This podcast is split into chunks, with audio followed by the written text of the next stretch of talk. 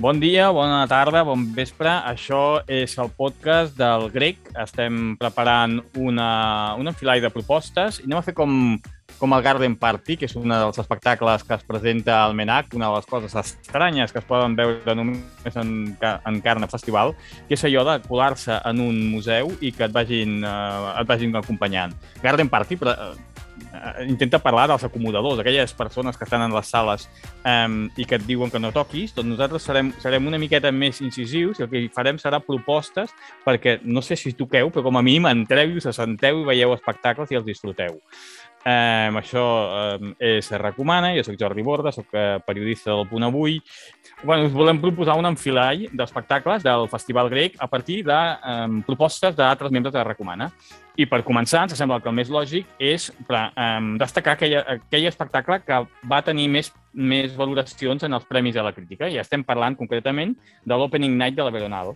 El Juan Carlos Olivares ens ha fet una aproximació, una petita càpsula, que convida a que eh, entrem al TNC. El grec recupera un extraordinari espectacle homenatge al teatre que finalment fa un viatge de tornada. Acostumats a rebre grans noms de l'escena internacional amb espectacles triats per enlluernar el públic d'aquí, ara podem dir que des de la nostra escena s'ha fet un espectacle per enlluernar el públic de fora. Existeixen projectes bons, molt bons, i excepcionalment algun que sembla fet a mida per reivindicar arreu la nostra aportació a l'escena contemporània. I es fa des d'un llenguatge únic entre la dansa i el teatre. Un altre dels premis de la crítica que tenim la sort de poder veure aquest grec és un espectacle de Romeo Castellucci que ens en parla Ramon Oliver es parla de l'espectacle Bros. Alguna vegada heu tingut la tentació de fer-vos policies, llavors no us podeu perdre l'espectacle Bros de Romeo Castellucci, guanyador del Premi de la Crítica al millor espectacle internacional de l'any passat. De totes les propostes que, que, que hem anat rebent dels nostres crítics, eh, hi ha una que coincideix i que repeteix tres vegades. Es tracta de B-Side, eh, és un espectacle de Booster Group, una companyia que no venia a Barcelona des del 2005, va ser en, el, en unes altres edicions del grec, i per tant que pràcticament desconeguda per la majoria de la gent. Però tot i així, Ramon Oliver, la Clàudia Brufau o la Carme Tiers, que ara la sentirem, ens la recomanen. I us ho volia recomanar per diferents motius entre d'altres perquè és d'una de les companyies experimentals més importants dels Estats Units, The Wooster Group, un col·lectiu mm, amb gairebé 50 anys de trajectòria que no sovinteja gaire la nostra ciutat. Per tant, eh, penso que no hauríem de, de perdre aquesta oportunitat.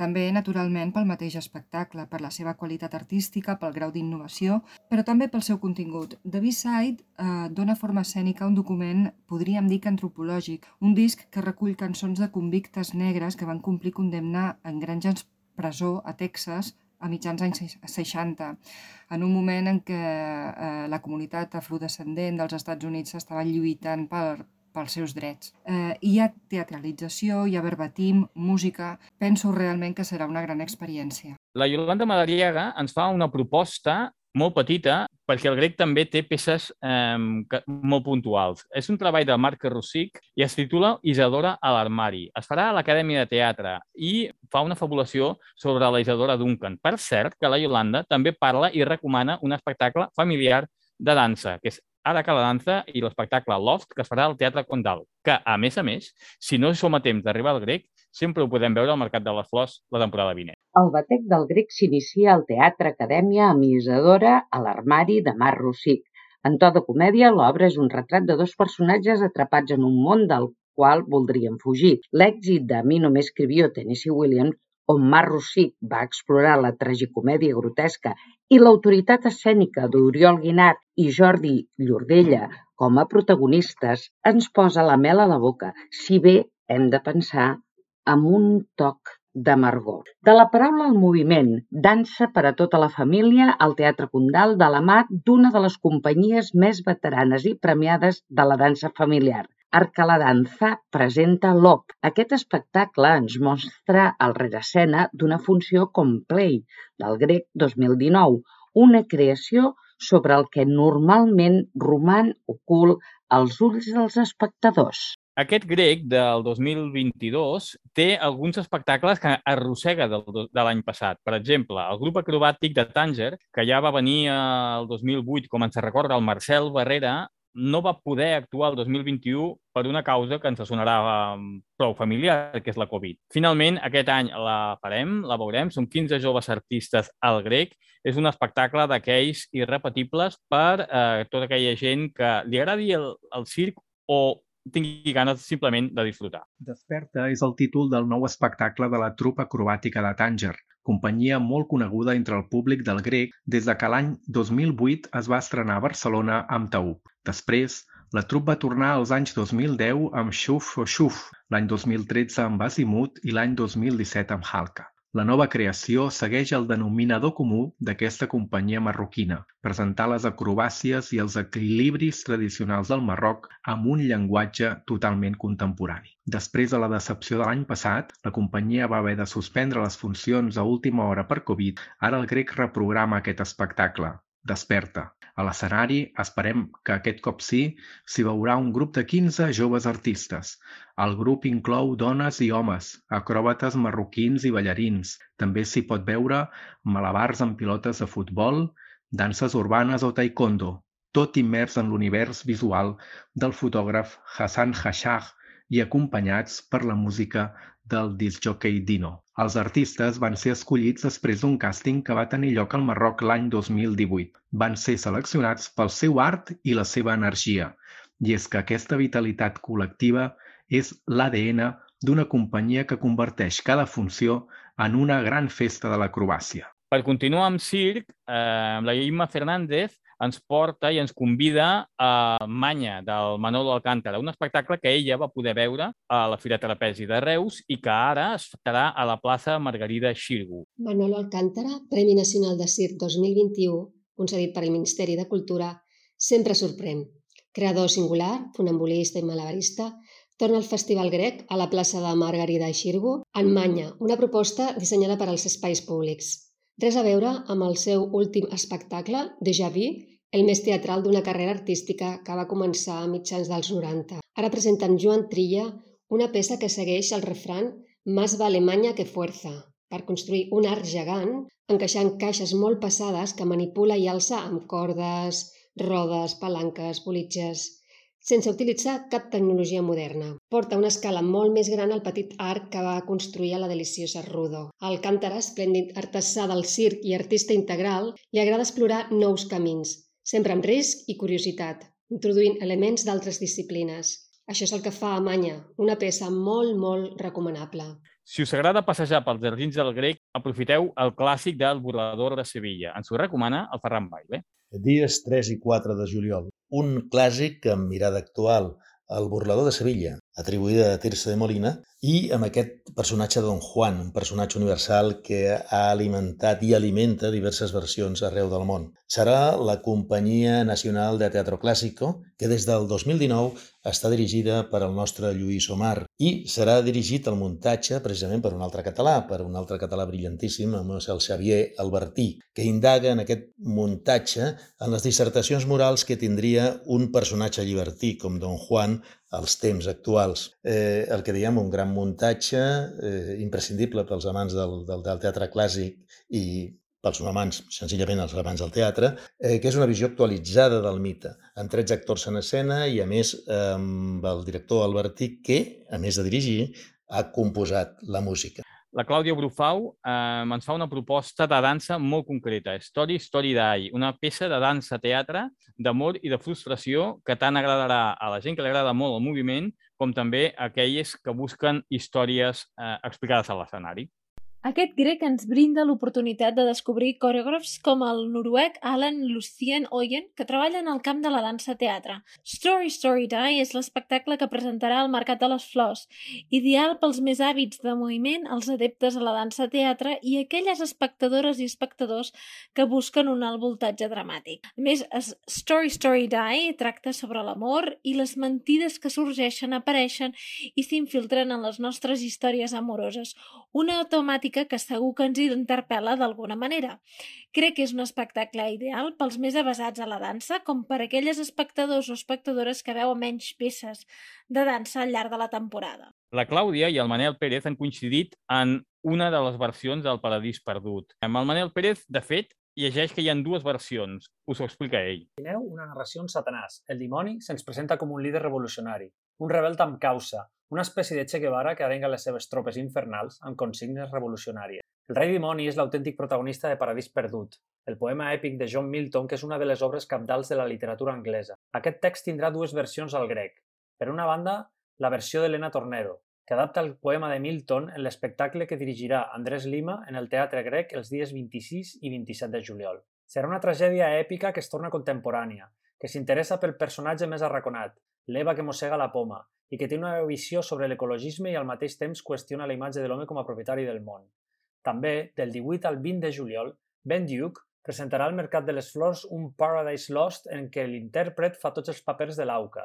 Teatre, dansa i circ formen una versió libèrrima del clàssic, amb un déu presentat com amant de Satanàs. déu nhi D'entre totes les recomanacions, el Jordi Borges, o sigui, jo mateix també n'he fet alguna i us proposo d'anar a veure l'Olympus Project, aquest, eh, aquests espectacles que ha fet l'agrupació Senyor Serrano sobre tres mites grecs a partir de figures de Lego. Eh, també la Núria Canyamares parla de familiar, eh, parla, convida a veure l'Imperfect, la Baldufa, una companyia de teatre que s'atreveix a ballar sorra de Sol Picó, i això s'ha de tenir molta valentia, i per una altra banda, el Pont en Pie de Bajau, una, una preciositat. Si coneixeu la baldufa, feu un reset. A Imperfect s'allunya dels seus espectacles familiars per aliar-se amb Sol Picó i aprendre a ballar quan ronden els 50 anys.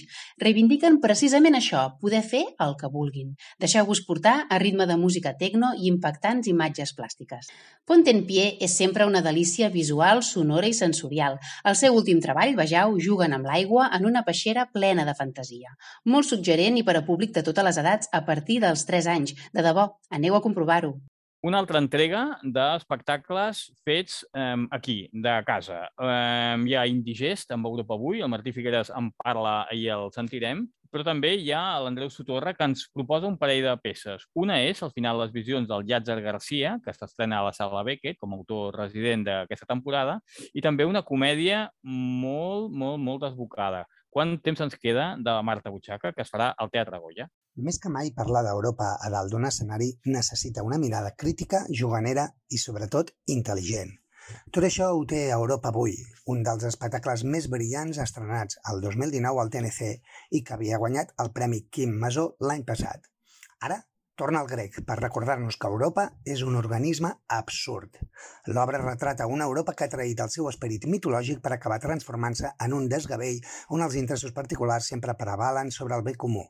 Darrere d'aquesta producció està una de les companyies teatrals més creatives i prolífiques de casa nostra, Indie Gest. La companyia capitanejada pel Jordi Oriol ve de presentar enguany La maledicció i tancar la trilogia del Lament, on adaptaven Hamlet, La Tempesta i Macbeth de Shakespeare. Però ara toca tornar a agafar el toro per les banyes i riure amb la paròdia sagnant dels indigestos. Europa Avui torna al TNC del 30 de juny al 17 de juliol. Sou de la tendència neorural? Doncs us convé veure la nova obra de l'autor Llàtzer Garcia, Al final les visions. Una parella jove es posa a viure en una masia prop de Girona i allà coneixen un veí solitari i misteriós que, de nit, sota la lluna, fa de les seves. Si baixeu de l'hort, aneu a la sala Beckett i trobareu, entre altres, l'actor Joan Carreras i l'actriu Laia Manzanares. Bona collita!